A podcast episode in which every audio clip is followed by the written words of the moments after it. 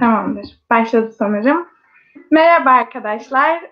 Uçak Uzay Mühendisliği Kulübü'nün masa başı seminerlerinin altıncısıyla tekrar beraberiz. Bugünkü konuğumuz Murat Ser. Merhaba hocam. Merhabalar Bengisu, nasılsın? İyiyim, siz nasılsınız? Ben de iyiyim. Şimdiden Evet. izleyicilerimize katıldıkları için teşekkür ediyorum. Ben de teşekkür ediyorum. Öncelikle sizi tanıyarak başlamak isteriz. Eğitim hayatınız, çalışma alanınıza yöneliminiz olsun. Bunlardan başlayalım. Yani eğitim hayatım üniversite olaraktan başladım. Yani İTÜ Uçak Uzay Uzay Mühendisliğini kazandım 2001 yılında ve işte yüksek lisansım e, kadar orada devam ettim. Şimdi doktoraya da devam ediyorum ama hala bitirir miyiz bitiremez miyiz bilmiyorum. Yani sonuçta bir uzay mühendisi. E, şu andaki iştikal alan da e, hayat bizi oraya sevk etti diyelim. Üniversiteye İTÜPİSAT bir projesi gelmişti. Arkadaşlardan, katılımcılardan bizim e, fakülteden olanlar da varsa hatırlar. 2009 yılında e, fırlatılan bir uydumuz vardı. O proje aslında bizim uzay mühendisliğine e, gerçekten hazırlayan, e, öğrencilere bir uydu yapma e, nasıl nasıl uydu yapılacağını öğrendikleri bir projeydi. E, hemen arkasından da TürkSat'ın desteklediği bir küp uydu projesi daha fakülteye geldi. Ve o projeyle aslında uydu serüveni başlamış oldu e, benim için. Projeyle 3 sene 4 sene fakültede çalışmalar yaptık. Başarılı, başarısız deneyimlerimiz oldu. E, artık e, 2012 yılında da o projeden spin-off olaraktan firmayı kurduk. Şu anda da 8 senedir işte Gümüş Uzay Savunma Havacılık firması olarak uydu tasarımı, uzay araçlarına yönelik çözümler, e, daha çok bizim e, iştigal alanımız küçük uydular. Bunlarla ilgili alt sistem tasarımlarını değiştirmeye çalışıyoruz. 4-5 tane projemiz oldu. 4-5 tane projede ekipmanlarımız uçtu. Yurt dışında bazı e, projelerde yer aldık. E, şimdi e, Aselsan'a yaptığımız bir uydu var. E, İTÜ ile birlikte yaptığımız sonuçta Aselsan, İTÜ bizim de katkı verdiğimiz bir proje. Herhangi bir sıkıntı olmaz. Sonunda fırlatılacak. E, daha sonra da önümüzdeki senede Savunma Sanayi Müsteşarlığı'na başkanlığa yaptığımız bir küp uydu daha projemiz var. O da önümüzdeki sene sonuna doğru veya 2022 başında fırlatılacak. Kariyer olaraktan baktığın zaman hani arkadaşlara da söyleyeyim aslında biraz şans.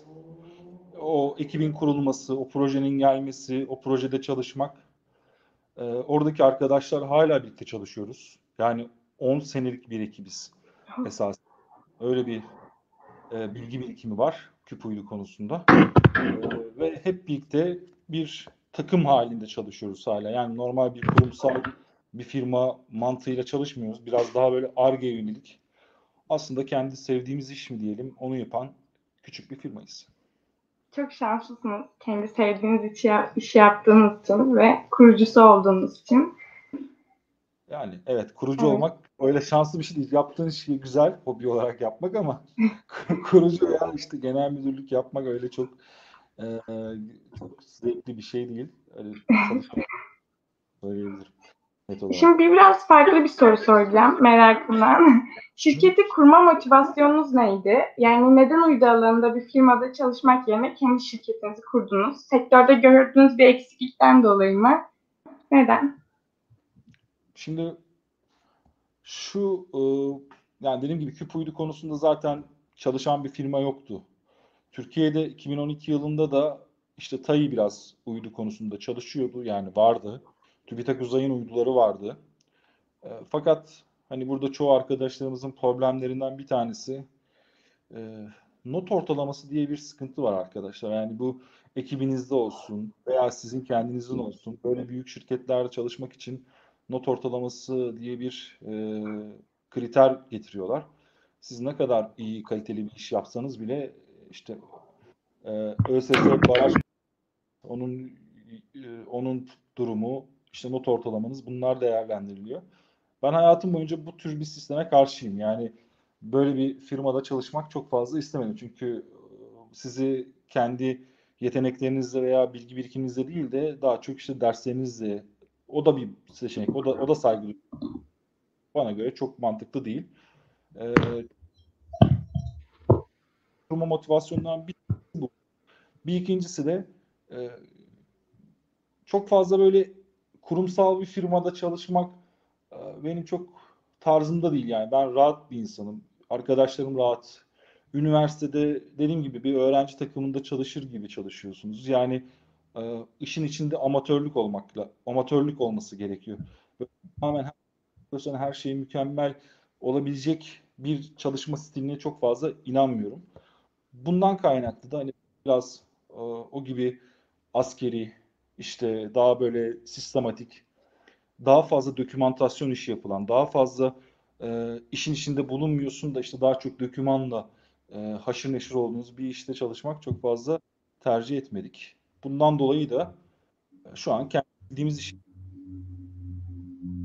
tabii başka şey de var. Yani şans eseri o benim zamanımda bir e, Sanayi Bakanlığı'nın açmış olduğu Tekno Girişim Sermaye Desteği programı var. O zaman bir yüzde yüz hibe desteği vermişlerdi. O sayede zaten bu firma kuruldu. İşte COSGAP desteği, TÜBİTAK'la proje yap. Daha sonra bir şeyler e, ürün çıkart, ürünleri sat, oradan gelir elde et, başka ürün yap, başka ürün sat şeklinde bir döngüye getirmek bir 8 senemizi aldı. E, motivasyonumuz genel olarak bunlar. Tamamdır. Teşekkürler. Şimdi biraz mühendis adaylarına yönelik bir soru soracağım. Şirketinizdeki mühendisliklerin, ekip arkadaşlarınızın bölüm ağırlıkları neler? Sesim yankı yapıyor biraz sanırım. Biraz Ve işe yapıyor. alırken dikkat ettiğiniz özellikler neler? Özellikle olsun istediğiniz. Şeyi anlamadım. İlk soruyu anlamadım. Bölüm? E, şirketteki mühendislerin bölüm ağırlıkları. Hangi bölümlerden mezunlar genel olarak? Ha. Tamam. Ben de aldığım maaşlar gibi anladım. Aylık maaşlar. Yok yok değil. yok sorun yok. Yani bizim şirkette arkadaşlar e, şöyle bir şey söyleyeyim. Herkes uzay mühendisinin bir tarafından geçmiş durumda. E, şu an 11 kişiyiz. 11 kişinin 9 kişisi uzay mühendisi veya uzay mühendisine yüksek lisans yapmış arkadaşlar. Biz hani biraz daha böyle saf uzay mühendisliği firmasıyız. Belki de Türkiye'de olmayan bir homojen, yani yüksek bir yüzdemiz var bu konuda e, kendi nosyonumuzda, kendi dilimizde anlayacak insanları tercih ediyoruz genellikle. Öncelikle buna bakıyoruz. Ha bu arada şöyle de bir şey durum var. Türkiye'de uzay sektöründe çalışan en fazla bin kişi var. Yani uzay, uzay aracı, uzayla ilgili bir ürün geliştirmeye çalışan firmalarda, işte askeri sanayide, savunma sanayisinde bin kişi var. Ya bunun 10 kişisinin bizim gibi bir firmada olması mesela ülkemiz için kötü bir durum. Bizim için çok iyi bir durum. Çünkü hani bin doğum bile yüzde bir falan yapıyor. Ee, bu kadar ufak bir şirket niteliğinde olup da bu kadar hani yüzde birlik bir hacmi kapatmak e, da işte ülkemizin durumu. Bizim e, inşallah daha iyilerini görürüz, daha istihdamları görürüz. Bu genel olarak da uzay mühendisi yani uzay mühendisinden mezun arkadaşlarla çalışıyoruz. Tercih sebebimiz ise Uzay mühendisinde yani bizde şöyle bir durum yok. Hani mülakatımız var mı? Var. İşte şöyle yapıyor muyuz? Ee, sen söyle. Mülakat yapıp bazı sorular soruyor muyuz? Evet normal klasik olaraktan bir işe alım sürecimiz oluyor. Fakat aslında bizim beklentimiz e, kişinin motivasyonu.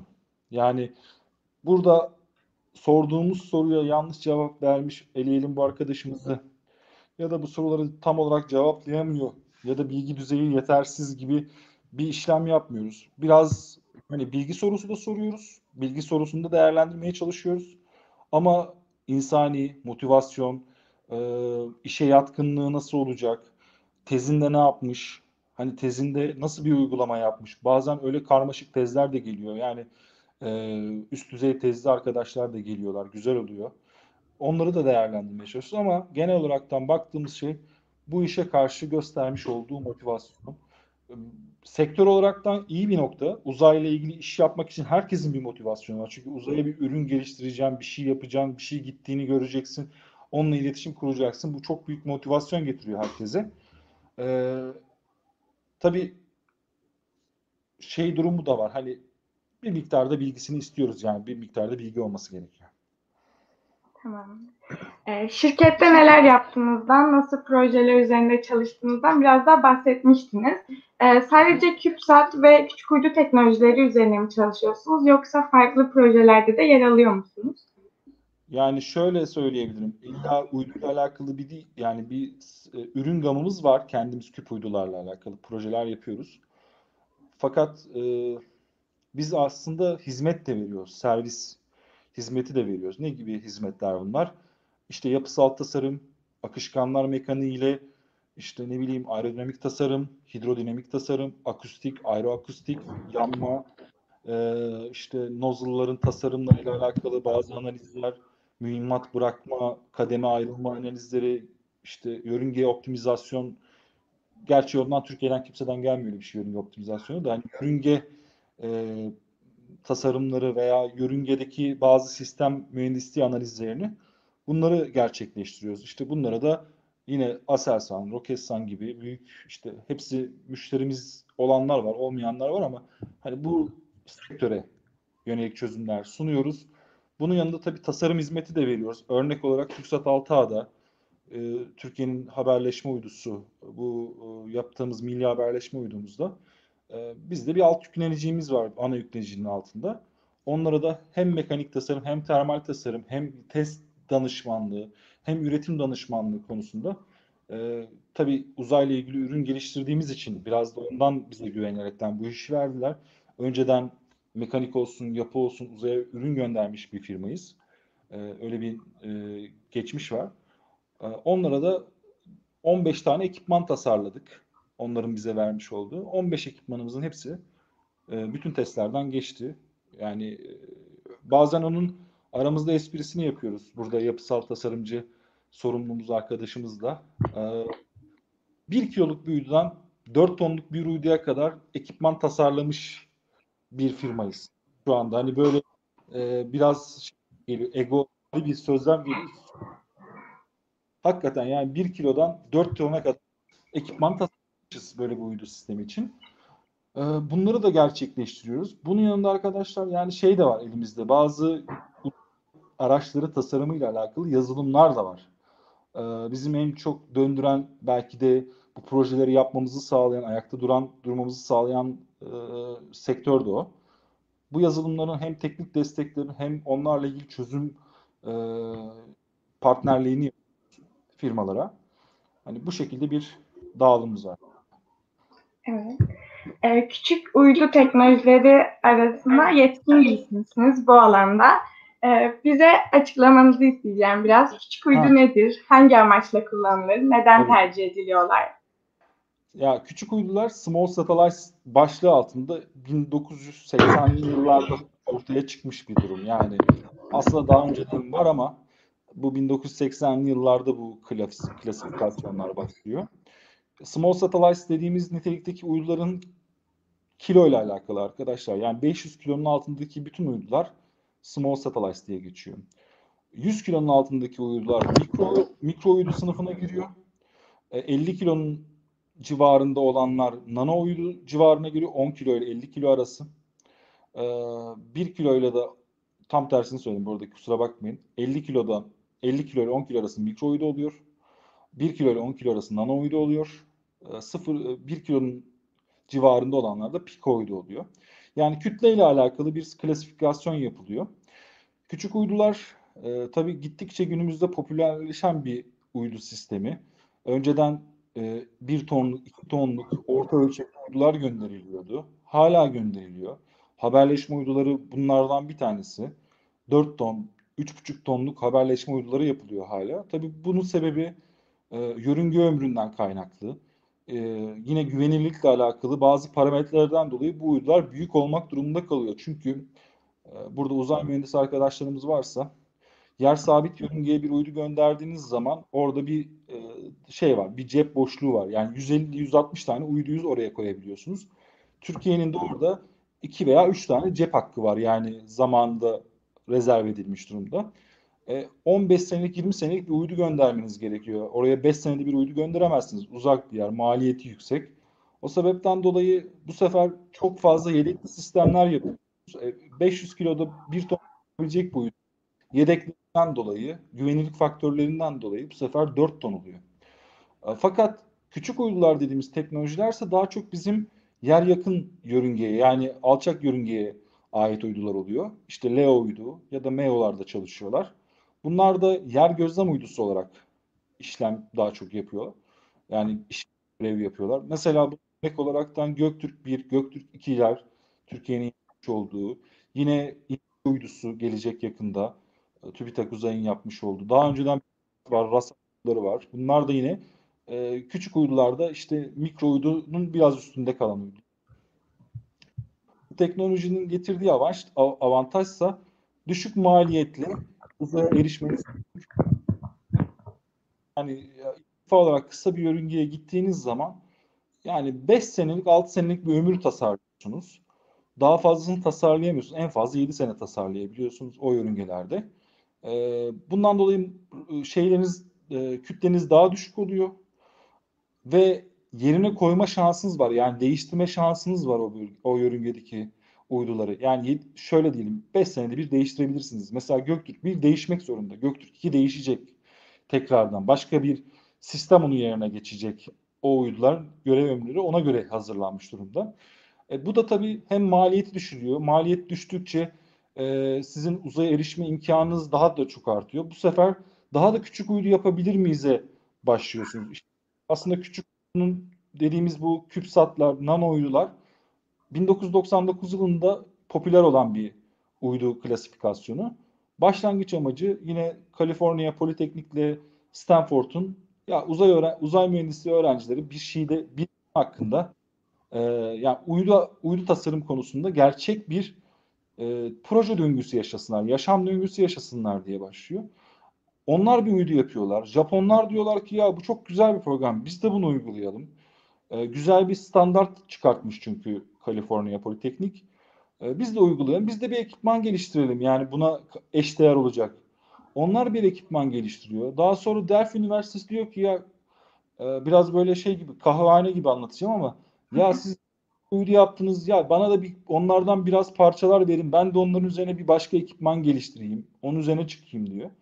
Daha sonra da işte AUSAT'lar başlıyor. Yine e, Danimarka'daki e, şey üniversitelerde başlayan projeler oluyor. İsveç'te başlıyor.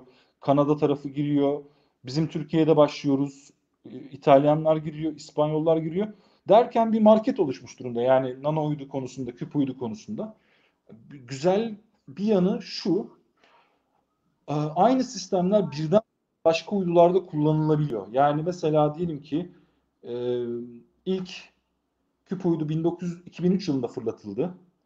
E, şey olarak gerçekten uzaya bırakıldı. Orada kullanılan ekipman hala kullanılıyor. E, düşünsenize yani 100 tane uyduda aynı ekipmanı kullanıyorsunuz. 100 defa görevi başarmış.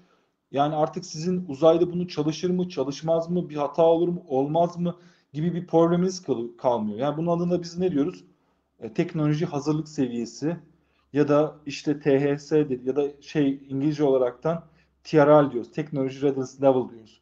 Mesela bir ekipman TRL 9 oluyor. Yani maksimum oluyor. Yani gözün kapalı uyduya koyabilirsin. Çalışacak çünkü. Yani eminsin. 100 tane misyon yapmış. Yüzünden de başarılı çıkmış gibi. E, bu da tabii e, gittikçe de maliyet düşüyor. Çünkü yeni bir tasarım yapmıyorsun. Hep aynı tasarımla gidiyorsun. Üretim seri hale dönmüş oluyor. E, sistemler kolay. Maliyet düşük olduğundan dolayı artık hani öğrenildiği için yazılımı kolay, üretimi kolay hale geliyor. Bu sektör şu anda arkadaşlar büyük bir markete sahip ve 3 sene içinde de 900 milyon dolarlık bir pazara dönüşecek küçük uydular. Yani nano uydu ve mikro uydu sektörü. Ve bunun da muhtemelen %60'ını falan küp uydularla nano uydular dediğimiz işte 10 kilo, 12 kilo arasındaki uydular kapatacak. Yani e, alacak pazarı. Böyle açıklayayım. Daha varsa bununla ilgili derin daha da konuşabilirim. De- devamında sorularım da var. Ee, aslında şöyle bir soru sormak istemiştim. Küçük uydularla yani orta boylu normal uyduların farkları nelerdir? Ağırlık dışında birinden birine yaptıramayacağımız özellikler koyamayacağımız. Hı, tabii. Siz yönelimi açıkladınız zaten küçük uydu Evet, yönelimini. aynen. Ee, küçük uyduda işte daha kütleli bir uyduda şöyle bir durum var. Ee, küçük uydularda işte e, itki manevra sistemleri çok e, iyi çalışmıyor. Çok güvenilir değil şu anda. Bununla ilgili çalışmalar sürüyor. Ama büyük uydularda daha iyi bir itki sistemi tasarlanabiliyor. Çünkü şey taşıyabiliyorsun, yakıt taşıyabiliyorsun. Bu bir avantaj oluyor orta veya büyük uydular için. Ondan sonra kameralar. Kamera kullandığınız zaman onun harcayacağı güç, onun hacmi küçük uyduyla orta ölçekli uyduda fark ediyor. Mesela World Wide, e, e, şey World e, 3 uydusu bu e, yer gözlem uydusu mesela 0.4 santimetreye kadar yani e, 40 40 santime kadar mıydı? Yarım metre. Evet 40 santime kadar çözünürlük düşebiliyor. Çözünürlükte fotoğraf verebiliyor, resim çekebiliyor sana. Ya Bunu bir küçük uyduda yapmaya kalktığın zaman çok büyük bir sistem olması gerekiyor. O yüzden kütleni arttırman lazım. Şimdi e, Spacecraft Mission Analysis Design kitabında yani o SMART kitabında baktığın zaman bir payload'un bir ağırlığı varsa yani bir payload istiyorsun. Bu payload görev yükü istiyorsun. Bu görev yükü işte senin uydunun yüzde kaçı kadar olması gerektiği zaten hesaplanmış. Yüzde 15, yüzde 20'sinde payload yükü olacak. E sen 2 yani 100 kiloluk bir payload'un varsa bunun karşısında işte 800 kiloda yapı, elektrik, elektrik alt sistemi, güneş panelleri koymak zorundasın kütlesel bazda. Bir başka küçük uyduyla orta uyduyu ayıran, hani orta büyüklükte uy- uyduyu ayıran, e, yörünge başına üretmiş olduğu enerji. Yani yüzey alanınızı arttırdığınız zaman işte açılır panelleri düşündüğün zaman ne kadar güneş yüzdesi koyabilirsen o kadar e, wattlık bir enerji sağlıyorsun yörünge başına. E, görev yükün yine bununla alakalı. E, 4 watt üretebiliyorsun küçük bir uyduda. 3 yıllık dediğimiz uydularda 4 watt, 5 watt civarında bir e, e, şey enerji üretebiliyorsun uydunu kullanabileceği. E, buna da işte en fazla 1 wattlık bir görev yükü kullanabiliyorsun. Daha fazlasını kullanmaya çalışsan yapamıyorsun. O zaman daha 10 wattlık bir sistem e, görev yükün varsa o zaman 50 wattlık bir sistem yapman lazım. Bunun bir başka e, dönüş noktası da 50 wattlık bir sistemi çalıştırmak için 150 wattlık bir pil kullanman gerekiyor. O kadar bir hacim kullanman gerekiyor. Yani böyle aslında biraz yuvarlak yani loop şeklinde. Yani bunu artarsa pilin boyu artar, pilin hacmi artar, hacim artar şeklinde bir dengesi var. Bunları da yaparken tabii tasarımcı olarak da bugüne kadar başarılmış bütün uyduların aslında internette her alt sistemi, alt sistem, her alt sisteminin yüzde kaç yüzdeyle toplam kütleye hem kuru kütle hem de yakıt artı kuru kütle şeklinde hani yakıtlı bir yani bir itki sistemi varsa onunla birlikte bakılması gerekiyor. Onun trade-off'u yapılması gerekiyor. Ve klasifikasyona göre de bunun e, sıkılaştırması gerekiyor. Yani 10 kiloluk uydu yapacaksan ona göre bakman gerekiyor. Gidip 1 tonluk uyduya bakmaman gerekiyor. Böyle bir farklılık var ikisinin arasında. Görev olaraktan da biraz önce bahsettim yani çok iyi çözüm. İstanbul'un ben bütün binalarını yürüyen adamıyla çekmek istiyorum diyorsan o zaman mecbur olaraktan 500 kilonun üzerine çıkman gerekiyor. Bir uydu yapman gerekiyor. Haberleşme uydusu yapmak istiyorsan Leo yörüngede yapamazsın. O yörüngeye gitmen gerekir. Yer sabit yörünge daha mantıklı o konuda. O zaman da orada uzun süre çalışacak bir sistem yapman bundan en az bazı sistemlerde 4, bazı sistemlerde 20 tane yedek koyman gerekiyor. 20 sene çalışacak çünkü. Ömrünü arttırman gerekiyor. Bir şey olursa başka bir sistemi devreye alacaksın. Yani yedeğini kullanacaksın şeklinde. Tamamen bu sistem mühendisinin e, ana alanı nasıl bir uydu yapacağına dair. Fakat dediğim gibi küçük uydularla şu an neleri daha iyi yapabiliyoruz dersen şu an dağıtık mimariye doğru gidiyoruz. E, dağıtık mimari de şu birden fazla küçük uydu takım olaraktan bir hareket edecekler. Yörüngenin belli parametre belli noktalarını belli faz açılarıyla hareket eden birçok uydumuz var. Bu uyduları bir büyük uyduyla takip ediyoruz veya onlarda hepsini röle şeklinde kullanıyoruz veya sensör olarak kullanıyoruz. Aslında Starlink uydularının bu basit olarak da e, Yani dağıtık mimari ileride işe yarayacak. Aynen network dağıtmak gibi. Uzayda da böyle hem dağıtık hem de e, derin orada da Sesiniz kesikli geliyor. Umarım sadece bana öyle. Öyle midir? Çok Evet, özür dilerim. Yok. Arkadaşlar özür dilerim eğer geliyor. Hala şu anda nasıl peki? Bir yayından bir şey yapabilir mi? Yayından birisinin yorumunu bekliyoruz.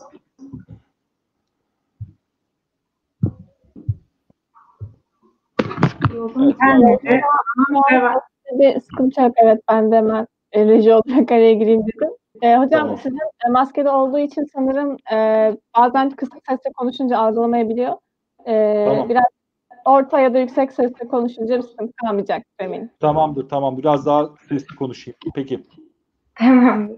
O zaman küçük uydulardan bahsedip uzay çöplerinden bahsetmemek olmazdı hocam.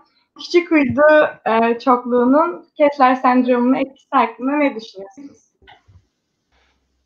Yani küçük uydular arkadaşlar şimdi Birleşmiş Milletler bir karar çıkarttı zaten. Ee, bir uydu fırlatıldığı zaman en az e, ömrü bittikten 25 sene sonra düşmesi gerekiyor. Ya da bir şekilde onu uzay çöplüğüne daha doğrusu yörünge dışına atmanız gerekiyor. Böyle bir artık kural var. Ve e, şu ana kadar da bizim fırlattığımız uydu sayısı dünyadan 8000 civarında. Maksimum 8000 atmışız. Bu arada hani örnek olarak söylüyorum Starlink 12 bin tane atmayı planlıyor. Ee, Çöp durumu çok sıkıntılı. Yani dediğim gibi işte sendrom şeklinde bir durum. Yani içinde çıkamadığımız bir problem.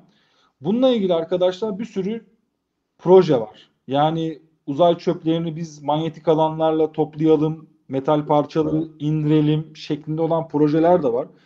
Çünkü yörüngede bir uydu attığınız zaman kilosuna göre bunun açısal momentumu artıyor. Açısal momentum göre de e, daha fazla yörüngede kalınca daha fazla çöp toplayabiliyorsunuz. Fakat e, bir başka sav da şu. Ya biz bu uyduları acaba geri dönüştürebilir miyiz? Bir de öyle bir durum var. Bu e, çalışmayan uydularda bazı parçalar var. Bu parçaları biz robot kollarla alabilir miyiz, alamaz mıyız? Onların için parçaları in- indiremez miyiz şeklinde. Hani geri dönüşüme katkı olur bir şeyler düşünülüyor. Fakat en son bulunan çare şu. Yani en basit çare 25 sene içinde düşmemiz gerekiyor şeklinde. Ee, bizim küçük uydularda da arkadaşlar bu 25 senelik bayağı bir yani şey, e, Birleşmiş Milletler kararı. O yüzden size artık böyle 700 kilometre, 650 kilometreye küçük uyduları göndermiyorlar. Yani üzerinde bir ya itki sistemi olması gerekiyor ya da bir e, dragını arttıran bir yelken olması gerekiyor ki 25 senede düştüğünü ispatlamanız gerekiyor. Bazı yörünge analizleriyle E, ya da işte ITU'nun da bazı analiz tool'ları var. Onlar ITU dedim işte International Telecommunication Union'da girdiğiniz bir bölüm var. Orada göster onu var. Küçük 500 kilometre, 500 kilometre ve 600 kilometreye şu anda gönderiliyor. ISS'ten atılanlar da var. Yine bu nano uydu ve CubeSat'lar olmak üzere. Bunlar da 420-400 civarına bırakılıyor. Bunlar kilolarına baktığın zaman yani kilo hesabıyla baktığın zaman 8-9 sene içinde zaten yeryüzüne erişmiş oluyor.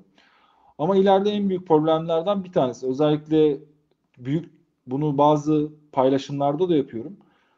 Ee, ileride uzay çöp e, bazı regülasyonları getirmek zorunda. Hani biraz bahsettik ya Starlink uyduları 12 bin tane fırlatılacak. Yani 12 bin tane fırlatmak demek şu an mevcutun katı kadar uydu demek. Bunlar ayrı bir sıkıntı. Bunlarla bu uydularla nasıl bir yörüngeyi taşıyacaklar? O yörüngelerde kesişme olursa nasıl olacak? Misal örnek veriyorum Türkiye'nin bir uydusu var. Starlink uydusuyla çarpışma riski oldu. Hangi olacak? Hangi uyduda kaçması gerekiyor? Bunlar çarpışırsa kim sorumlu? Yani SpaceX mi sorumlu? Türkiye tarafı mı sorumlu? Yani sorumlu olduğu böyle bir problemimiz var. Pardon. Böyle açıklayayım bunu. Ee, siz bir uydu üreticisi olarak uzay çöplerinin artması konusuna karşı sürdürülebilir projeler olsun, çözümler olsun. Bu konuda fikirler yürütüyor musunuz? Bir kendi uydularınızda özellikle. Yani küçük bizim kendi uydularımızda dediğim gibi yani 8-9 sene içinde düşecek şekilde planlanıyor. Ee, ondan fazlasını zaten gönderemiyorsun. Ama 2010 11 yılında şöyle bir proje vardı. Japonlarla bir proje olaraktan konuşulan. Yani bir manyetik ağ atıp o ağı işte birkaç tane uyduyla hareket ettirip yörüngede çünkü başka yörünge yani ağ atacaksınız ve gerdireceksiniz. Eline yani elektromanyetik bir ağ bu. Elektromanyetik diyorum. E, elektromanyetik evet. Elektromanyetik bir ağ. E, ve bu ağda da bütün uzaydaki parçaları bir şekilde fileye toplar gibi toplayacaksınız. Böyle proje teklifi verilmişti. Olmadı. Onun dışında bizim kendi bir yaptığımız bir şey vardı. Yine robot kolla bizim küçük uyduların fırlatılan bir pot şeklinde yani launch adaptörü ya da fırlatma arayüzü dediğimiz bir e, şey var. E, kılıf var arkadaşlar. Yani uyduya takıl yani uydu rokete takılırken o kılıf olması gerekiyor. Biz böyle bir uydu tasarlarsak bu uyduyu da bir robot kolla diğer uyduların yörüngesine sokup onlara yaklaşma manevrası yaparak acaba bir kenetlenme yapılabilir mi diye biz yapmadık bir tek yani bunu İsveç'te de yaptılar. İsviçre'de de yaptılar bunun gibi projeleri. Böyle bir fizibilite çalışması yapıldı ama mesela o da çok e, iyi bir işlem. Yani reliable yani feasible çıkmadı. Fakat hani en en sonunda olacağı söyleyeyim ben. Hani ne yapılacak? Ee, bu ağ gerdirme şeklinde ya da işte tel gerdirme şeklinde ya da manyetik boom şeklinde bir e, sistem kurulup bütün parçaların oraya toplanması çalışılacak. Ama onun da işte uzaya girerken ne kadar saf bir malzeme indirecek, yanıcı madde olacak mı, olmayacak mı? Yani farklı iyonları da toplar mıyız, toplamaz mıyız gibi sıkıntılar var atomik olarak da. Yani işte uzay ışımasından kaynaklı olan bazı iyon parçaları onları da aslında indiriyorsun. Yani uzaydan bir parça alırsan bir de onları da alıyorsun yanında getiriyorsun. Onun da atmosfere sokuyorsun. Öyle bir e, sendrom var yani sıkıntı var. Onlar hakkında dediğim gibi hani çok benim çalıştığım bir alan değil. Hani fikir yürütmüşlüğümüz var ama e, bir şeyler olursa biz de onları takip etmeye çalışıyoruz. Öyle diyelim. Türkiye'de tamam. de ancak bu kadar takip edebiliyoruz diyelim. Ee, bir uyduyu ürettikten sonraki aşamalara geçmek istiyorum. Bu aşamalar nasıl ilerliyor? Test süreçlerinden bahsedebilir misiniz? Ee, ortak testler mi var? Haberleşme olsun, bilimsel uydular için olsun ya da küçük uydular için olsun yoksa özelliklerine göre ayrı testler uygulanıyor mu? Yani şimdi yine şeye geleceğiz. Yine sınıflandırmaya geleceğiz. İşte bir önce şunu bahsedelim. Üretmek dediğin zaman test olmadan üretim olmuyor. Üretmek e, dediğimiz şey aslında bütün test süreçlerinin tamamlanmış olması anlamına geliyor. Genel olaraktan uydularda küçük uydular olsun, büyük uydular olsun, en en kalif en büyük uydu olsun, telekom uydusu olsun hepsi aynı yaşam döngüsü, aynı test sürecini geçirmek zorunda benzer olaraktan. Yani biraz az olabilir, biraz fazla olabilir süreleri fakat mesela termal vakum chamber'da bir testi, döngü testini yani sıcaklık e, vakum döngü testlerini aynı seviyede geçirmek durumundasın. E, şey olabilir sadece işte küçük uyduda protoflight model kullanırsın. Tek parça, tek ürün üzerinden bütün testleri yaparsın. Onu atarsın. Fakat bir telekom uydusu olursa, büyük uydu olursa yapı modeli kurarsın. Yapı testlerini onda yaparsın. Öncelikle her şey doğru mu ona bakarsın. Ondan sonra ısıl model yaparsın. Bu dediğim hani 4 tonluk uydu için söylüyorum. Bayağı bildiğin aynı uydunun birebir maketini yapıyorsun yapısal olaraktan deniyorsun. Sonra ısıl olaraktan deniyorsun. Sonra bunu e, mühendislik modeli yapıyorsun. Diğer ekipmanları takıyorsun. Onlar uygun mu değil mi? Arayüz modeli oluşturuyorsun. Arayüzler çalışıyor mu, çalışmıyor mu? Onları test ediyorsun. Daha sonra qualification model dediğimiz kalifikasyon modeli yani aslında uçuş modelinin bir önceki aşamasına getiriyorsun. İlk prototip diyebiliriz ona. Onda bütün testleri tekrar yapıyorsun. Bunlar nedir? İşte sıcaklık döngü testi, vibrasyon testi, titreşim testi, şok testi gerekirse. Ee, ondan sonra eğer bir e, görüntü optik işleyici varsa yani optik veri toplayacak herhangi bir sun sensör, bir işte star tracker, bir kamera sistemi varsa bu sefer korona testleri yapman gerekiyor. Yani ışığın parlama şiddetine göre onlar nasıl çıkıyor? Gerçekten kameralar doğru çalışıyor mu, çalışmıyor mu? e, parça bazında radyasyon testi yapman gerekiyor. Radyasyon dediğim şey işte total toplam doz iyonda nasıl davranıyor bu bileşenler? Gerçekçi davranıyorlar mı veya hatalar oluşuyor mu? Sistemi kilitliyor mu, kilitlemiyor mu? Bu gibi test süreçleri çok karmaşık oluyor. Ama küçük uydu büyük uydu arasında bir fark yok. Bu testleri ne kadar çok yaparsan o kadar güvenilirliğin artıyor. Yani yerde ne kadar çok test, çok farklı test yaparsan güvenilirliğin artıyor. Ha bu arada haberleşme testinden de bahsettin. Mesela küçük uydularda end-to-end haberleşme testi işte sondan sona haberleşme testi yapmak kolay. Çünkü basit bir sistem. Küçük 4 kilo 5 kilo onu yapabilirsin.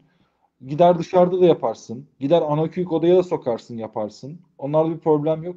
Ama 4 tonluk bir uydu olduğu zaman onun bütün haberleşme testini yapamıyorsun. Ancak yapabildiğini yapabiliyorsun. Daha çok ekipman bazlı yapıyorsun bu sefer testleri. Yani sistemi test edemiyorsan o zaman ekipmanları test ediyoruz. Ekipmanları test edemiyorsak bileşenleri test ediyoruz. Böyle bir sürecimiz var. Uydu tasarım süreci de arkadaşlar sistem mühendisliği planında V-cycle olarak geçiyor. Yani öncelikle bir genel tasarım yapıyorsun. Üst tasarımdan başlıyorsun. Yani konsept tasarım. Daha sonra ön tasarım. Daha sonra çok detaylı bir tasarım yapıyorsun. Detaylı tasarımda zaten uyduyu sonlandırmış oluyorsun tasarım anlamında. Daha sonra test ve kalifikasyon süreçleri başlıyor.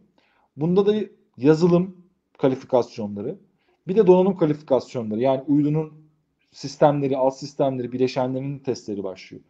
Burada da nasıl biz şeyde başladık? Ee, sen söyle. Yukarıdan aşağı geldik. Top down yaptık. Bu sefer down top yapacağız şeklinde bir test süreci oluyor. İlk önce bileşenleri test ediyorsun. O bileşenlerden oluşan ekipmanları test ediyorsun. Ekipmanları bitiriyorsun. Alt sistemlerini test ediyorsun. Alt sistemleri sonra entegre edip hepsini sistem dediğimiz uydunun hepsini test ediyorsun. Şeklinde bir sürece giriyorsun. İşte bunun adı V-Cycle. Soruyu ben kaçırmış olabilirim. Çok uzun anlattım belki ama var Yok, mı? hayır, Kaç- yok, iyi- iyi mi? Fazlasıyla cevap verdiniz evet. Yani test süreci olarak arkadaşlar şey olarak hani çok benzer süreçler. Bununla ilgili de bazı standartlar var. Yine ondan da bir bahsedelim kısa. ESA'nın olsun, NASA'nın olsun, JAXA'da olsun hazırlamış olduğu bazı yönergeler, bazı kurallar, bazı test seviyeleri var. Herkes bunlara uyabiliyor mu? Hayır. Genel çünkü bunlar. Çok genel yazılmış. Hepsini tolere etmek gerekiyor. Yani hangi uydu sistemini yapıyorsan yani şöyle söyleyeyim. İşte kamerayla alakalı bir testin, bir ürünün yoksa korona efekt testi yapmana ya da korona efektlerini hesaplamana gerek yok. Çünkü çok önemli değil senin için onlar e, diyebiliriz. E, ya da X-band yapmıyorsan işte veri haberleşme hızının testlerini çok yapmana gerek yok. Hangi haberleşme sistemi kullanıyorsan ona göre yapman gerekir. Şeklinde tolere etmen gerekiyor. Yani standartlar genel bir ifade. Sen uzay mühendisi, sistem mühendisi ya da elektrik elektronik mühendisi hangi birimde çalışıyorsan ona göre bu test geçerli evet. Bu test bizim için uygun değil. Çünkü şundan dolayı diye bunları sınıflandırmak gerekiyor. Tamamdır. Ee, uydumuz testlerden sonra fırlatışa hazır hale geliyor. Ee, Evet. Fırlatılacak roket seçimi uydudan uyduya göre değişiyor mu? Özellikle küçük uydularda. Ee, ya da siz sadece firmayla anlaşıyorsunuz ve onlar mı ayarlıyor bu tür fırlatma şeyleri? İki farklı soru. Büyük büyük uydularda arkadaşlar büyük uydu roketi roketi satın alıyor diyebiliriz. Yani işte ana roketi mesela Göktürk 1, Göktürk 2 ana roketin sahibi oluyor. Küçük uydular onlara asalak biniyorlar. Asalak dediğimiz yani Göktürk'ün gideceği yörüngenin üzerinde 500 kilometreye sansenkronous orbite gideceğini biliyorsun. Oraya asalak uydu dediğimiz küçük uyduları alıyorlar. Genel olaraktan da herkes zaten benzer orbitlerden yani manevralarını yapıyorlar. O yüzden 500 kilometre SSO'ya giden çok ro- roket var. Zaten yine bu yer gözlem uyduları da 500, 550, 600 kilometrelere bizim gibi yörüngelere bırakıldığı için aşağı yukarı o yörüngelere gidiyorsun. Bizde e, küçük uydularda ise e, bazı servis sağlayıcıları var. Yine roketlerin anlaşmış olduğu aracı kurumlar var. Bu aracı kurumlar her e, günlük bazda, haftalık bazda, aylık bazda aynen bilet satar, uçak bileti satar gibi listeleri oluyor bunların. Onlara bakıyoruz. Hangi çeyrekte, çeyrek çeyrek e, anlatılıyor bunlar. Hangi çeyrekte nasıl bir fırlatma var? İşte diyor, birinci çeyrekte 2021'de 600 kilometre işte şu şu eğiklik şu eğiklik açısına sahip bir yörüngeye gideceğim diyor. Bizim eğiklik atışımıza yani bizim istediğimiz eğikliğe uygun mu? Değilse o zaman bir sonrakine bakıyoruz ya da başka bir fırlatmaya bakıyoruz. Ancak geçerli olan bizim uydularda işte sun synchronous orbit dediğimiz işte güneş eş zamanlı yörünge, eğiklik açısı direkt 97-98 olan e, genel olaraktan da e, eltan dediğimiz değeri var.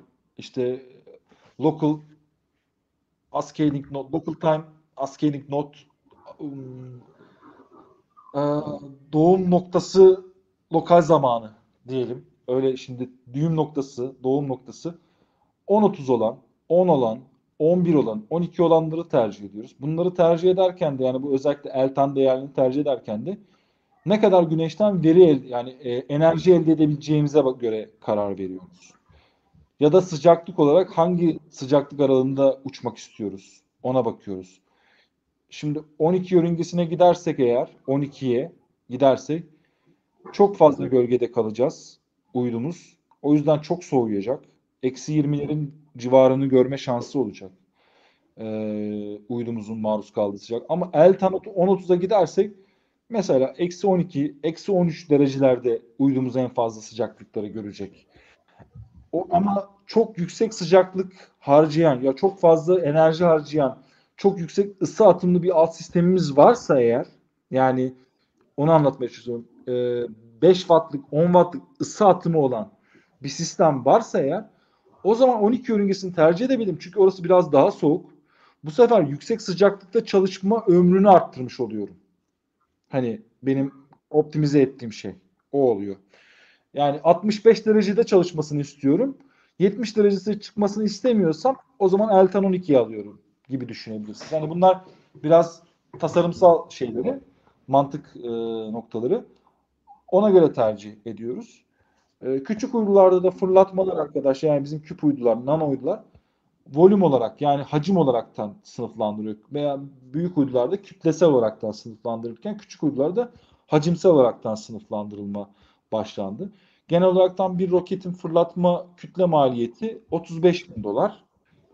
İşte SpaceX onu 25 bin dolara çekmeye, 20 bin dolar, 15 bine çeker miyiz diye uğraşıyor. Ona çekerlerse o zaman çok daha maliyet düşük olarak fırlatılacak. Ama şu anda bile SpaceX'in Starlink'leri fırlatmasıyla uydu pazarında roket yani uydu fırlatma maliyetleri eskisine göre yani 3 seneye göre %30 düşmüş durumda. Yani fiyatlar diş, dolar bazında diyorum tabii TL bazında değil öyle anlamayalım. Düşüyor. Bu şekilde bir durumumuz var. Ee, uyduyu da yine kılıfla atıyoruz bizim kendi küçük uydularımızı. Bir kılıfa koymak zorundayız. Ha, kılıfa niye koyuyoruz da bir kısa bahsedeyim. Ee, dediğim gibi hani uydunun e, roketin sahibi ana uydu oluyor. Mesela Göktürk bir gidiyor roketi alıyor. Ona diyor ki 50 milyon dolara bana fırlatacaksın. Okey. Ondan sonra diğer roket firması küçük uyduları toplamaya başlıyor. Tabii o da Göktürk'ün istediği bazı kriterleri sağlamak zorunda. Nedir işte bu? Bir asalak uydu alacaksan bu bir kapalı kutunun içinde olacak diyor. Bana en, bana interferans yapmayacağını garanti edeceksin. Bizim küçük uydularımız o kapalı kutunun içinde aslında bir Faraday kafesi gibi çalışıyor. Dışarıya herhangi bir yayın yapmadığı kesin garanti. Eğer bir parçalanma durumu olursa roketin içinde bir parçalama olmayacağı garanti ediyorsun. Uydunun kapalı olduğu garanti şeklinde veriyorsun. Öyle şekilde, öyle durumlar uydu kabul ediyor o zaman. Onun da bazı dokümanlar var. O dokümanları sunman gerekiyor. Altını imzalayıp ben bunları sağladım. Benden kesildi mi sesim hiç şu anda? Yok yok şu anda kesilmedi. Ee, bir, bir soru daha fırlatma ile ilgili bir soru soracağım. Elektron gibi küçük boyutlu fırlatma araçları hakkında neler düşünüyorsunuz? Sizce sizin sektörünüz için daha yararlı mı? Yani elektron ilk başladığı zaman bir hayaldi yani adamlar 3D printer'dan işte çok düşük maliyetli işte bir roket yapacağız. Bununla da şey çok e, gerçekçi bir yani fiyat olarak avantaj sağlayacağız diyorlardı. Elektronun arkadaşlar tasarım maliyeti 25 milyon dolar. Yani Ar-Ge'si için harcanan para 25 milyon dolar. Gerçekten aslında komik bir rakam. Çok yüksek bir para değil. Ama şunu düşünün. Avustralya'da atılması veya bazı, galiba Amerika'da da bir yerde atılıyor artık ya da Kanada'da mı atılıyor? Bir yerde daha var. Ee, fakat arkasında tabii Amerika ve NASA'nın çok büyük desteği var. Yani oradan aldığı know-how var.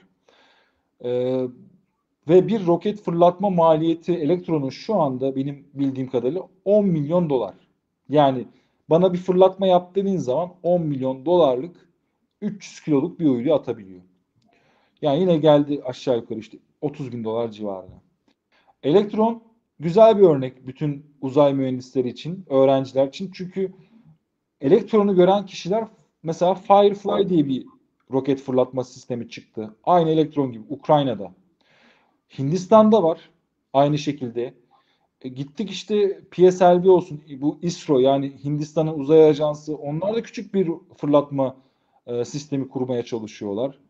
E, Amerika'da yine e, birçok bu şekilde fırlatma sağlayan 50 kilo, 100 kiloluk fırlatma sistemleri var. Yani şu anda acayip popüler. 25 tane firma sahip yani aklımda değil hepsi ama yani birazdan bana 10 dakika versiniz 25 tane firmayı bulurum. Kimlerdi diye. Ukrayna'da dediğim gibi Hindistan'da, İspanya'da, İtalya'da, Amerika'da, Kanada'da böyle fırlatma şirketleri çıktı ve bunlar startup olarak çıkaraktan çok iyi fiyatlara da kendilerini e, yatırımcı buldular. Ee, Avrupa'dan özellikle ki Amerika'dan da yatırımcıları var. Güzel bir durum. Fakat SpaceX'in yaptığı işten sonra Elektron çok şey değil yani maliyet avantajı sağlayan bir sistem olmadı. Yine fiyatlarına baktığın zaman elektronun 300 bin dolarlara fırlatıyor. Bizim küçük uydularımız. Yani 3 yıllık bir uydu 300 bin dolara fırlatabiliyor. Fakat ee, SpaceX 150 bin dolara kadar düşebiliyor. Yarı yarıya düşebiliyor. Bu tabi SpaceX'in geri dönüşümünden dolayı. Yine Starlink'leri gönderirken boş yer olmasından dolayı. Yani biraz şey gibi düşünün. Adamlar metroya bağlamış durumda. Yani atıyorlar. Ayda bir, iki, de, iki defa, üç defa atabilme şeyleri var. Bundan dolayı acayip bir fiyat avantajı sağlıyorlar. Ee, fakat bizim ülkemizde de bu gibi arkadaşlar oluşumlar var. Yani Arif Hoca vardı Koç Üniversitesi'nde şimdi yine bir akademisyen yurt dışında e, bu gibi itki sistemleri çalışmış. Delta V firması var. Yine aynı şekilde onlar da küçük roketler üzerine çalışıyorlar. Yani düşük kütleli sistemler üzerinde çalışıyorlar. Yine Roketsan'ın bu şekilde bir projesi var. İşte 100 kiloluk bir uydu fırlatma sistemi. Aslında ön prototip. Büyük büyük fırlatma sisteminin ön prototipi olarak da e, büyüyen bir pazar. Bunun büyümesinin sebebi de yani bu kadar şey ne derler elektron niye bu kadar popüler ya da işte bu küçük fırlatma sistemleri niye bu kadar popüler? E, senede 500 tane küp uydu atılıyor. Yani her gün neredeyse iki tane, bir buçuk tane küp uydu atılmaya gelmiş durumda. Bu bir iki sene sonra arkadaşlar ortalama 700-800'e falan gelecek. Yani dünyadan fırlatılan küp uydu. Bunların içinde Starlink'ler yok. Bunun içinde işte e, Amazon'un oluşturduğu OneWeb yok gibi düşün. Ya da OneWeb değil de diğer bir şirket var. OneWeb var. Başka Constellation satellite'lar da var. Yani daha fazla işte Starlink 12.000, diğeri 2000, bir tanesi 600 uyduluk takım uydular var. Onları saymıyorum ya. Yani direkt bu üniversitelerin yapmış olduğu işte sizin e, gibi öğrenci arkadaşların yapmış uydu, olduğu bilimsel uydular olsun. Bizim gibi firmaların yapmış olduğu biraz daha profesyonel uydular 405 tane senede fırlatma. O yüzden de çok iyi bir pazar. Benim sorularım bu kadardı hocam. Şimdi izleyicilerimizden gelen soruları alacağız. Tabii. Alalım lütfen. Evet, Anıl. Uyduların görev sürelerini belirlerken nasıl bir yol izliyorsunuz? TÜBİTAK Uzay'ın işlettiği bir uydunun ömrünün tamamlanmasına rağmen faaliyetini sürdürdüğünü öğrenmiştim. Sanırım Göktürk de şu an öyle. Ömründen 2-3 yıl daha fazla. Bu hangi şartlar altında mümkün? Ya uyduların görev sürelerini belirlerken bunu tabii ki müşteri belirliyor arkadaşlar. Yani ona göre bir tasarım yapıyorsunuz. Ama şöyle bir durum da var. Yani sizden istediği güvenilirlik kriterine göre de bu belli oluyor. Yani şöyle diyebilir. Ya ben bunu %90 verimlilikte, %90 güvenilirlikte çalışmasını istiyorum. Siz dersiniz ki kaç sene istiyorsun? 5 sene. 5 sene olmuyor. 5 sene olması için uyduyu büyütmem gerekiyor. Ancak %80 olursa ben bunu işte 5 seneye getirebilirim şeklinde bir şey yapıyorsunuz. Bir hesap göstermeniz, bir analiz yapmanız gerekiyor. Uydunun görev süresi ayrıca güneş panellerin degrasyonuyla da alakalı. Yani güneş panellerinize toplayacağınız enerji miktarının e, ömür sonundaki durumları yani bunlar sonuçta uzayda ne oluyor? Fotonlara, işte iyonlara maruz kalıyorlar. E, bir şekilde bunlar e, yoruluyorlar. Yorulmak demeyeyim de kendi verimliliğinden kaybediyor. Verimlilikleri düşüyor. 35 ile başlıyorsun, 30 oluyorlar. Ona göre bir güneş paneli tasarlaman gerekiyor. O da senin güneş panelin ağırlık olarak kütle miktarına oranladığın zaman sınırlarında kalıyor mu kalmıyor mu? O yine kütleyi etkiliyor. Böyle bir yol belirleniyor görev ömrü süresinde. Bir de tabii e, şu an için genel olaraktan işte CO uyduya gittiğiniz, CO yörüngeye gittiğiniz zaman 15 senelik bir ömür isteniyor. Bunun maliyeti fırlatmayla alakalı. Her 5 senede bir fırlatırsan e, e, daha maliyetli bir şey. 4 tonluk uydu yapmak. Ama 5 senede bir küçük uydu dediğimiz işte ya da işte orta ölçekli bir uydu atarsan LEO'ya o daha az maliyetli. O zaman onu 5 senede birlik görev ömrü yapıyorsun. Diğerini 15 sene yapıyorsun. Daha maliyeti fırlatmasından yüksek olduğu için. Öyle bir strateji belirleniyor. TÜBİTAK Uzay'ın da işlettiği dediğin gibi evet uydu ömrünü tamamlamasına rağmen yani kağıt üzerinde ömrünü tamamlamış olabilir ama yani her uydu tasarlanırken bir tasarım e, safety faktörü var. Yani siz onu 5 seneye böyle kafa kafaya gelecek şekilde tasarlamıyorsunuz. Herhangi bir yörüngede devreye almada sorun olabilir. Bir sene boyunca belki devreye alamayabilirsiniz. Bu gibi marjinleri de koymanız gerekiyor. Uydu yöneliminde sıkıntı olabilir. Uyduya yazılım yüklemeniz gerekir. Uyduyu güncellemeniz yerden gerekir. Operasyonunuz, yer istasyonunuzda bir sıkıntı çıkabilir. Belki 6 ay yer istasyonu toplamanız gerekir. Bu gibi problemlerden dolayı %20, %30 gibi bir marş konuluyor ya zaten. Ondan dolayı da hani eğer çalışıyorsa uydu bir şekilde hala iletişim kurulmasında da bir problem yok. Her türlü çalıştırabilirsin. Tamam. Diğer sorumuza geçiyoruz. Tabii. Yörüngede olan uyduların ömrünü uzatmak için ekstradan yapılan işlemler var mı? Var. Yani işte itki sistemleriyle yörünge düzeltme manevrası yapıyorsun. Yani bir itki sistemin olması gerekiyor. Eğer böyle bir şeyin varsa bu yörüngelerde ne oluyor? Gö- e, uyduların yörünge ömrünü uzatabiliyorsun. Görev ömrünü değil ama yörüngede olan uyduların ömrünü uzatmak için yörünge ömrünü uzatabiliyorsun.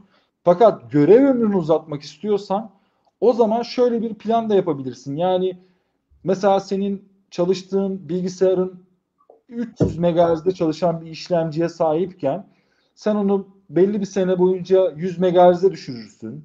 Daha az çalıştırırsın. Onun ömrünü uzatabilirsin. Böyle şeyler de yapılıyor. Şey gibi düşün. iPhone nasıl güncelleme gönderiyor ve telefonunuz yavaşlıyor ya ömrünü uzatmak, pil uzatmak için. Aynı mantıktan bahsediyorum. O şekilde de ömrünü uzatabiliyorsun. Bu sefer görev ömrü uzuyor.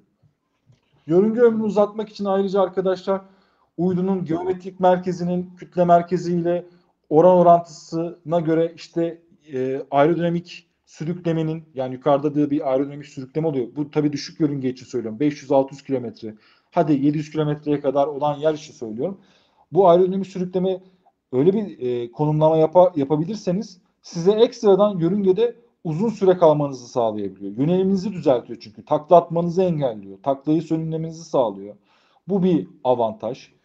Yine yörüngede e, manevra yapıp e, şeyi değiştirebilirsin. Yüksekliği değiştirerek ömrü arttırabilirsin.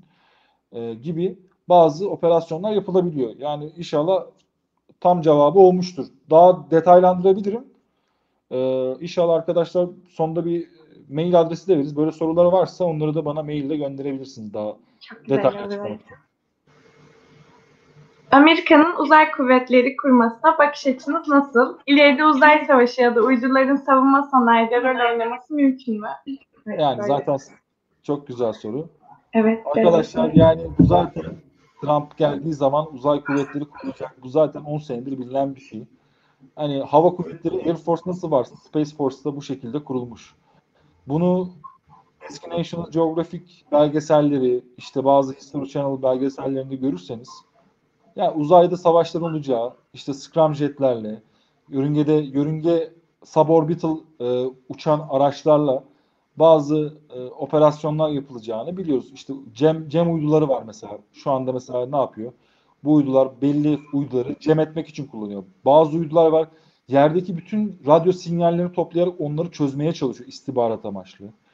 E, bunları da korunması da gerekiyor. Ayrıca 2009 yılında arkadaşlar şöyle bir olay da olmuştu. Çin kendi uydusunu yerden fırlatarak vurmuştu roketle. Yani kendi uydusunu yerden vurarak aslında diyor ki ben her uyduyu vurabilirim diyor. Düşünün o durumda öyle başlamış bir serüven. Amerika'da 6 ay sonra mesela kendisi kendi uydusunu buna karşılık deniz altından roketle vurdu. Yani deniz altından fırlat yani roket atarak vurarak. Hocam bölüyorum ama roketleri vurmaları yok yok ondan değil. Roketleri vurmaları çok ters bir etki yaratmaz mı diğer uyduların birbiriyle çarpışması konusunda? Yani aslında Yani zaten çok şey, riskli bir şey. İşte roketle vurmalarını vuruyorlar ve bir sürü uzay çöpü oluşturdu. Hatta çok büyük infial falan da çıktı.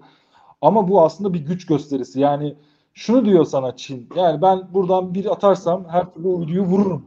Yani benim öyle bir navigasyon sistemim var. Bu arada arkadaşlar şeyler hani böyle çevrecilik işte böyle enerji tasarrufu işte insanlık için yapıyoruz uzay barıştır falan. Onlara da çok fazla böyle onlar gibi insanlara anlatılan bazı e, güzel sözler. Normalde orada bayağı yani şu an Starlink uydusunun mesela siz bir yörüngeyi kapattığını düşünün. O yörüngeye uydu atamayacaksınız bundan 5 sene sonra. Nasıl atacaksınız? Adam bütün yörüngeyi kapatmış. 12 bin tane uyduyla. E, bunların hepsi işgal planları yani sizin yörünge- yörüngenizi. Yakın zamanda interneti Starlink'le paylaşılması, işte daha ucuz fiyatlara çıkartılması, farklı sonuçlara da gelecek. Onlardan link postunda da yazıyor. Yani uzayda bir merkez bankası kurulabilir arkadaşlar. İnterneti her yere sokarsanız ve her şeyi internette öderseniz ve internet elektrik gibi bir sistem olursa yakın zamanda Starlink uydularının aslında bir merkez bankası olacak şekilde kendi para birimleri, kendi sistemleriyle yönetir şekilde de. Böyle bir durum da var. O yüzden bakış açım Amerikan Uzay Kuvvetleri kurmasına bakış açım adamlar doğrusunu yapıyorlar. Biz yapmamız lazım. Evet. Ben Amerika Uzay Kuvvetleri'nin toplantılarına arkadaşlar açık ve katılıyorum. Yani YouTube'dan yayınlıyorlar. Hatta linklerini de gönderiyorlar bu arada. Bayağı açık açık şunu yapacağız. Yani deklare ediyorlar. Yani gizli de saklı da yaptıkları bir şey yok. Mutlaka vardır gizli amaçlar ama e, kendi adlarına doğru bir şey yapıyorlar. Yani bizim Türkiye'nin de yapması gereken bir şey olacak ilerisi için. Hava kuvvetleri tek başına bu işi götüremez çünkü. E, uzay mühendisi lazım. Bunlarla ilgili. Uzay hukukunu bilen insanlar lazım. Bunlar için de inşallah bu Türkiye Uzay Ajansı da kuruldu. Onların da destekleri artık hani bu bir kurum altında yerleşirse daha iyi şeyler yapacak. Öyle diyelim. Geç kaldık Evet. ama yap. Yok. Ee, Geç kal, güç hocam. Uzay çalışmalarının bilimsel yönde devam etmesi konusunda umalım. Diğer sorumuza geçelim şimdi. Gel- Güneş gelelim. yelkenlerinin verimliliği nasıl, ne kadar sıklıkla kullanılıyor? Yani güneş yelkenleri verimlilik açısından şimdi bir enerji üretenler var. Bir de işte fön rüzgarını yani fön rüzgarı diyorum. Güneş rüzgarını alaraktan işte onunla birlikte hareket edip derin uzaya gitmesi gerek, derin, uzay görevini gerçekleştirecek itki sistemini yapacak şeyler de var. Ee, onun da tasarlanıyor. Verimlilik açısından arkadaşlar orada sistem çok şey nedir adı siz söyleyin. Aslında e, rüzgar geldiği anda güneşten rüzgar ya da işte patlama olduğu zaman gelen akışı ne kadar kuvvetiyle alakalı. Yararlı bir sistem, pasif bir sistem çünkü. Yani elektrik çok fazla elektrik harcayan bir şey değil. Bir açılması olan e, güzel bir sistem. Ama bir de şey de var. Hani flexible yani esnek güneş hücreleriyle yapılmış e, güneş yelkenleri de var. O daha da verimli bir sistem. Hem enerji üretiyor ışığı gördükçe hem de rüzgarı alıp kullanabiliyorsunuz. Bir tek burada e, çok manevra yaparken yani bu yelkeni yöneltmek gerekiyor. Uydunun yönelimi ve onlar konusunda çok hassas analiz yapılması, çok hassas yönelim ve e, aktivasyon yapılması gerekiyor. Yani uza, uydunun bunları hesaplayabilmesi gerekiyor. Bir tek burada bu hesaplamalar girdiği zaman işin içine çok fazla güç harcamak durumunda kalıyorsun. Eğer harcadığınız güç topladığınızdan daha az ise çok verimli. Uzayda çünkü e, bir yani şöyle söyleyeyim size yani bir wattlık enerji bile fazla çıkarsanız ya da e, çok düşük de bir enerji üretseniz yani ekstra cebinizde bıraksanız uzayda cebinizde kaldığı için ve e, her zaman kullanabileceğiniz için verimlilik açısından iyi bir sistem. Sıklık konusunda bilemiyorum arkadaşlar. Yani büyük uydularda çok fazla kullanılmıyor. Küçük uydularda da hani 10-15 tane bununla ilgili çalışma var diyebiliriz. Daha yeni yeni başlıyor.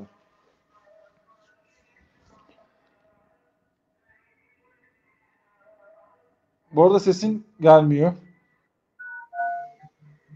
Geliyor mu şu an hocam? Benim sesim geldi değil mi? Benim ses şeyim kapanmış. Geliyor geliyor evet. Sesiniz geliyor şu an. Evet yeni sorumuz. Küçük uydularda olan magnetorkurların büyük uydularda bir karşılığı var mı? Kontrollü tork oluşturma büyük uydularda da uygulanıyor mu? Uygulanıyorsa bu işlem nasıl gerçekleştiriliyor? Yani büyük uydularda da işte bu torkerlar var arkadaşlar. Hani bu torkerlar sadece küçük uydular için de kullanılıyor. Tabii büyük zaman hani geostationlar için de orada manyetik alan olmadan bir yerde de şey yapalım. Orada daha çok reaksiyon tekeriyle daha çok kullanılıyor. Ha, daha yer, yere yakın ürünlerde manyetik kullanılabiliyor. Bu küçük Göktürklerde falan gibi düşünebilirsiniz. Fakat hani verimlilik açısından çok e, gibi büyük orta ölçekli gözlem uydularında çok etkin değil. Ee, onun yerine kontrol momentum gyroskopu kullanıyor. Yani jiroskop bazlı kontrol sistemleri. Re- reaksiyon tekeri, momentum tekeri daha çok bunlar kullanılıyor. Yine büyük uydularda yani geostation uydularda da bunlar kullanılıyor. Manyetik küçük uydularda aslında bir uydunun kontrolüyle alakalı, yönelimiyle alakalı değil de stabilizasyon sağlaması için. Yani kendi üzerinde birikmiş olan bazı e, takla dur takla atmasını sağlayan toplumun tersine sönümlenmesini sağlayan bir sistem. E, öyle diyebiliriz. Hani soru büyük uydularda bir karşılığı var mı? Kontrollü tork oluşumuna sahip olan işte e, kontrol moment gyroskopları ya da reaksiyon tekerleri ya da onun karşı momentum tekerleri işte tetragonal yapabilirsin. Pentagonal yapabilirsiniz. O da sizin uydunuzun şeklinde heksagonal yapabilirsin. Bir de tabii şey var tabii arkadaşlar. Ee, kontrolü sağlamak için e, şeyler de kullanılıyor. İtki sistemleri. Her yüzeyine birer tane küçük itki, itkiler oluyor. Bu itkiler ne oluyor?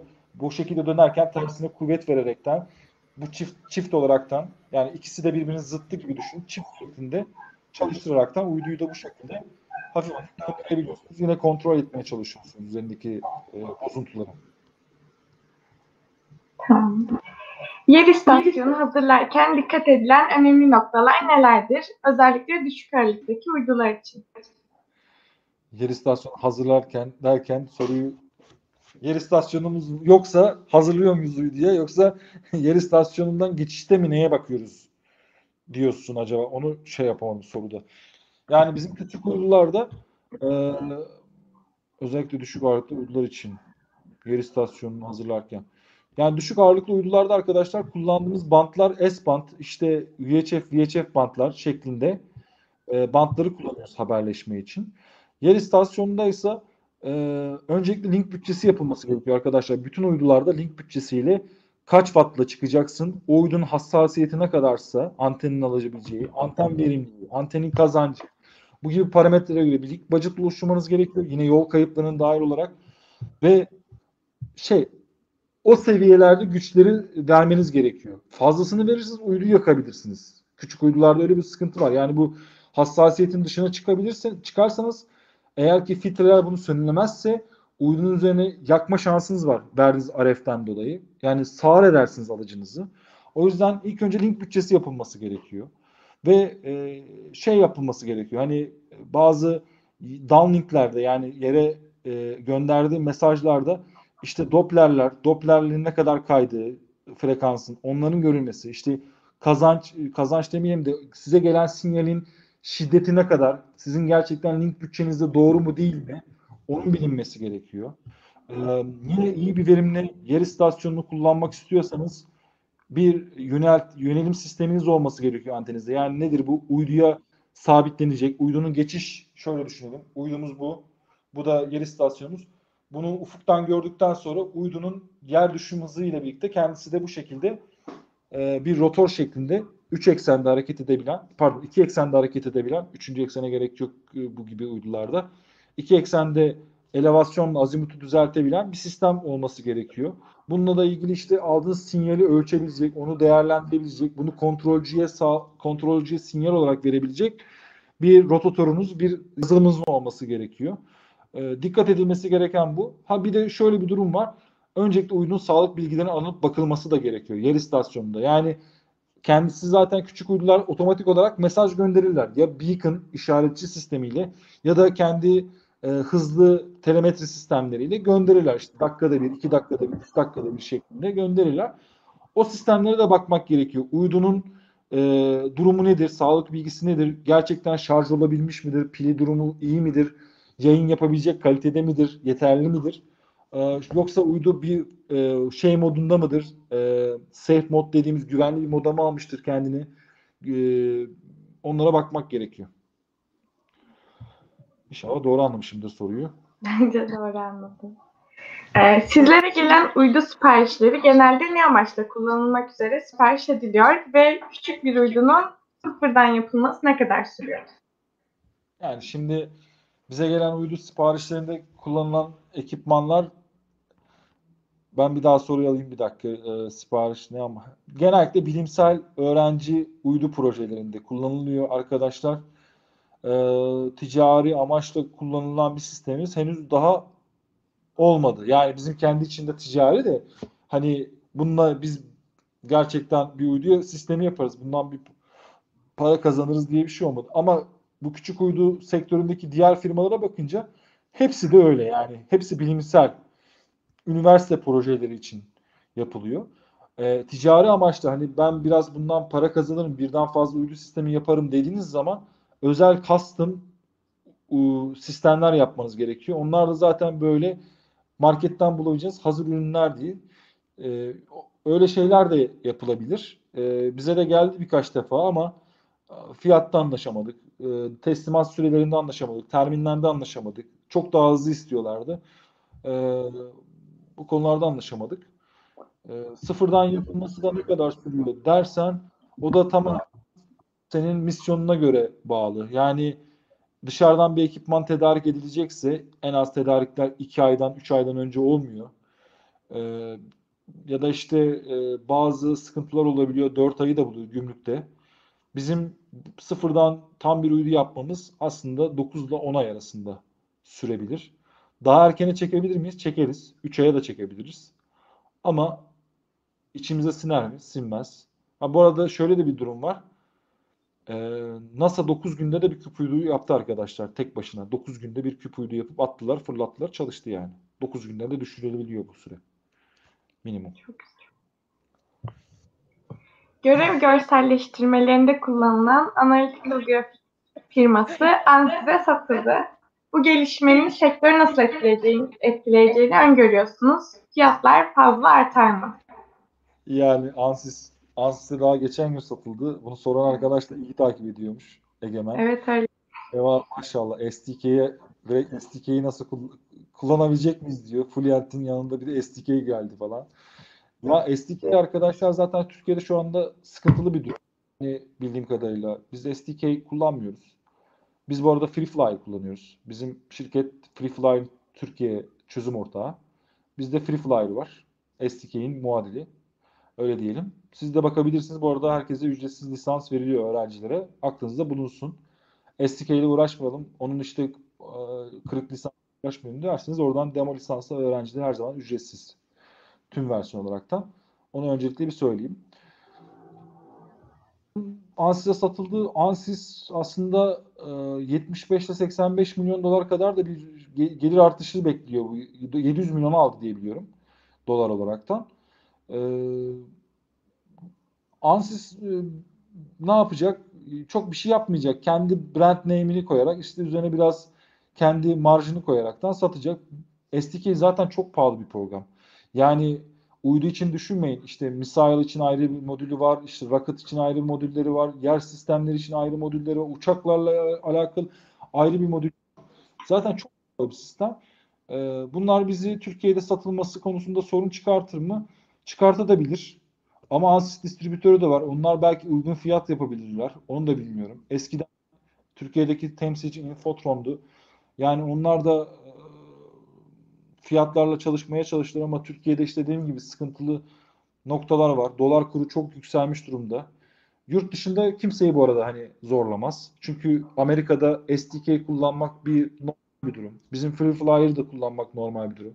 Hani adam hem SDK hem Free Flyer hem yanına Gmat hem başka bir programı da kullanabiliyor. Öyle bir bütçesi var.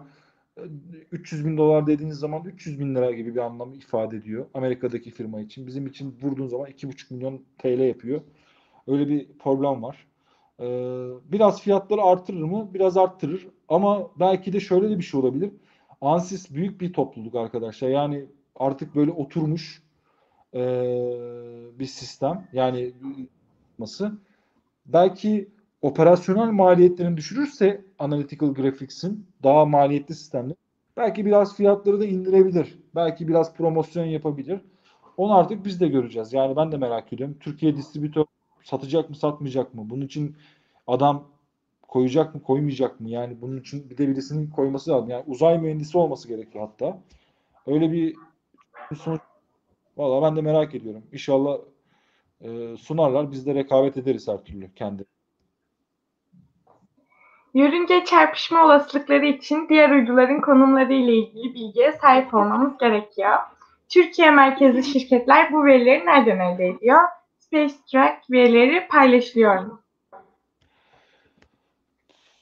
Celestrak'ta var arkadaşlar biliyorsunuz. Hani SpaceTrack verileri gibi dediğiniz. Celestrak açık bir şey e, platform.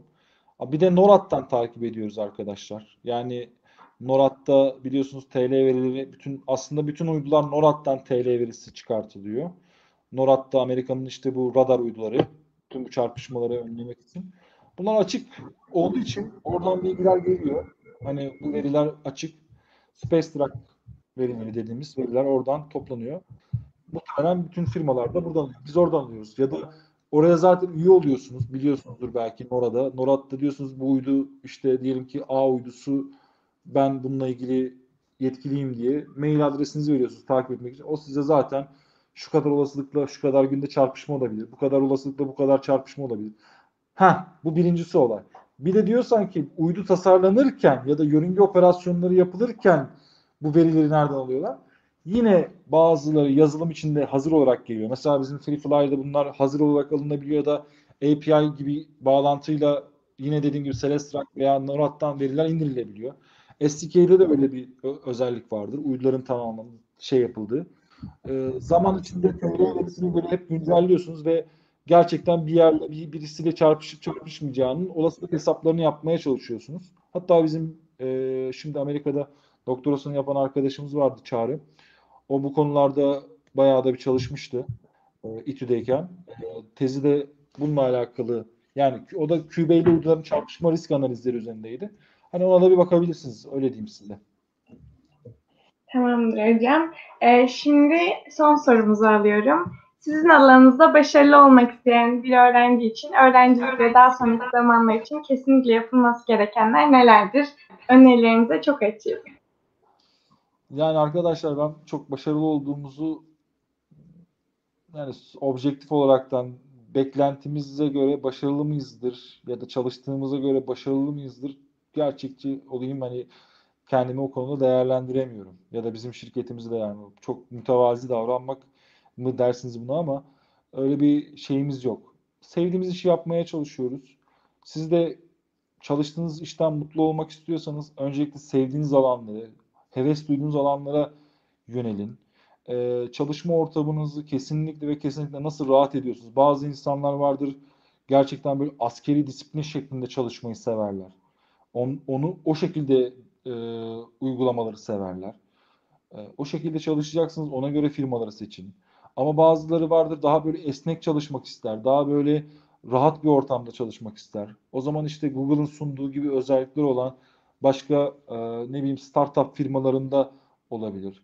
Bazıları yine dediğim gibi bir şeyleri yapıp o yaptıkları e, işin sonucuyla birlikte mutlu olarak da başka işlere atlayabilirler. Yine bu startup gibi firmalarda olur. Birinci startup'ı yapar, ikinci startup'a geçer. Yani bu tamamen sizin kendi kişiliğinizle alakalı. Ha kesinlikle yapmanız gereken bir şey derseniz hani yaptığımız işte na- nasıl farkındalık yaratırız ya da ne kadar kendimize katkı sağlarız derseniz eğer öncelikle araştırmayı yapmayı bilmek lazım. Yani hangi konu hakkında, nasıl bir problem var, ben bu problemi çözebilmek için ne gibi araçları kullanıp hangi sonuçları elde edebilirim?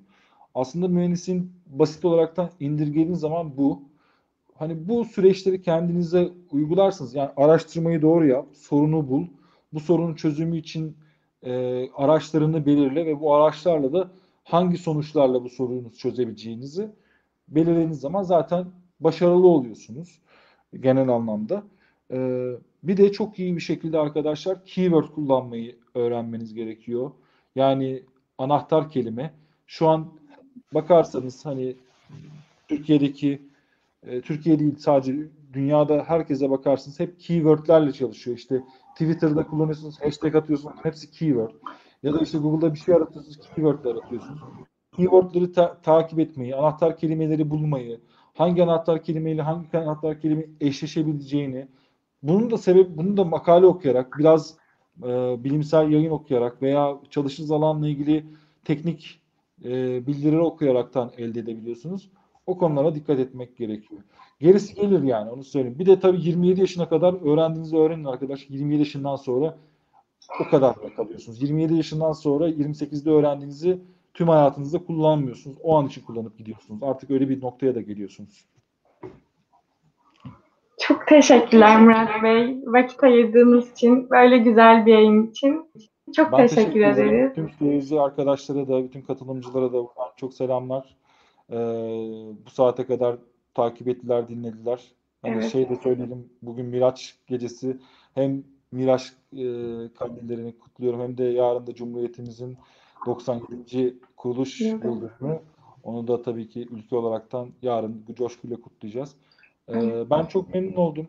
Ee, katıldığım için, paylaştığım için. Bu tür etkinlikler olduğu zaman yine e, size de ileteceğim benim mail adresimi. E, katılımcılar belki oradan yapabilir. LinkedIn profilinden de bana hızlı ulaşabilirler. Akıllarında bir soru varsa bu konularla sizler de olsun. E, konuşalım. Yine böyle yayın gerekirse yayın yapalım. Tekrardan tartışalım bu sefer. Öyle de öyle konulara da açayım. E, hepinize çok teşekkür ediyorum. Biz teşekkür ederiz. Çok güzeldi. İyi akşamlar diliyorum herkese. İyi akşamlar herkese. Çok sağ olun.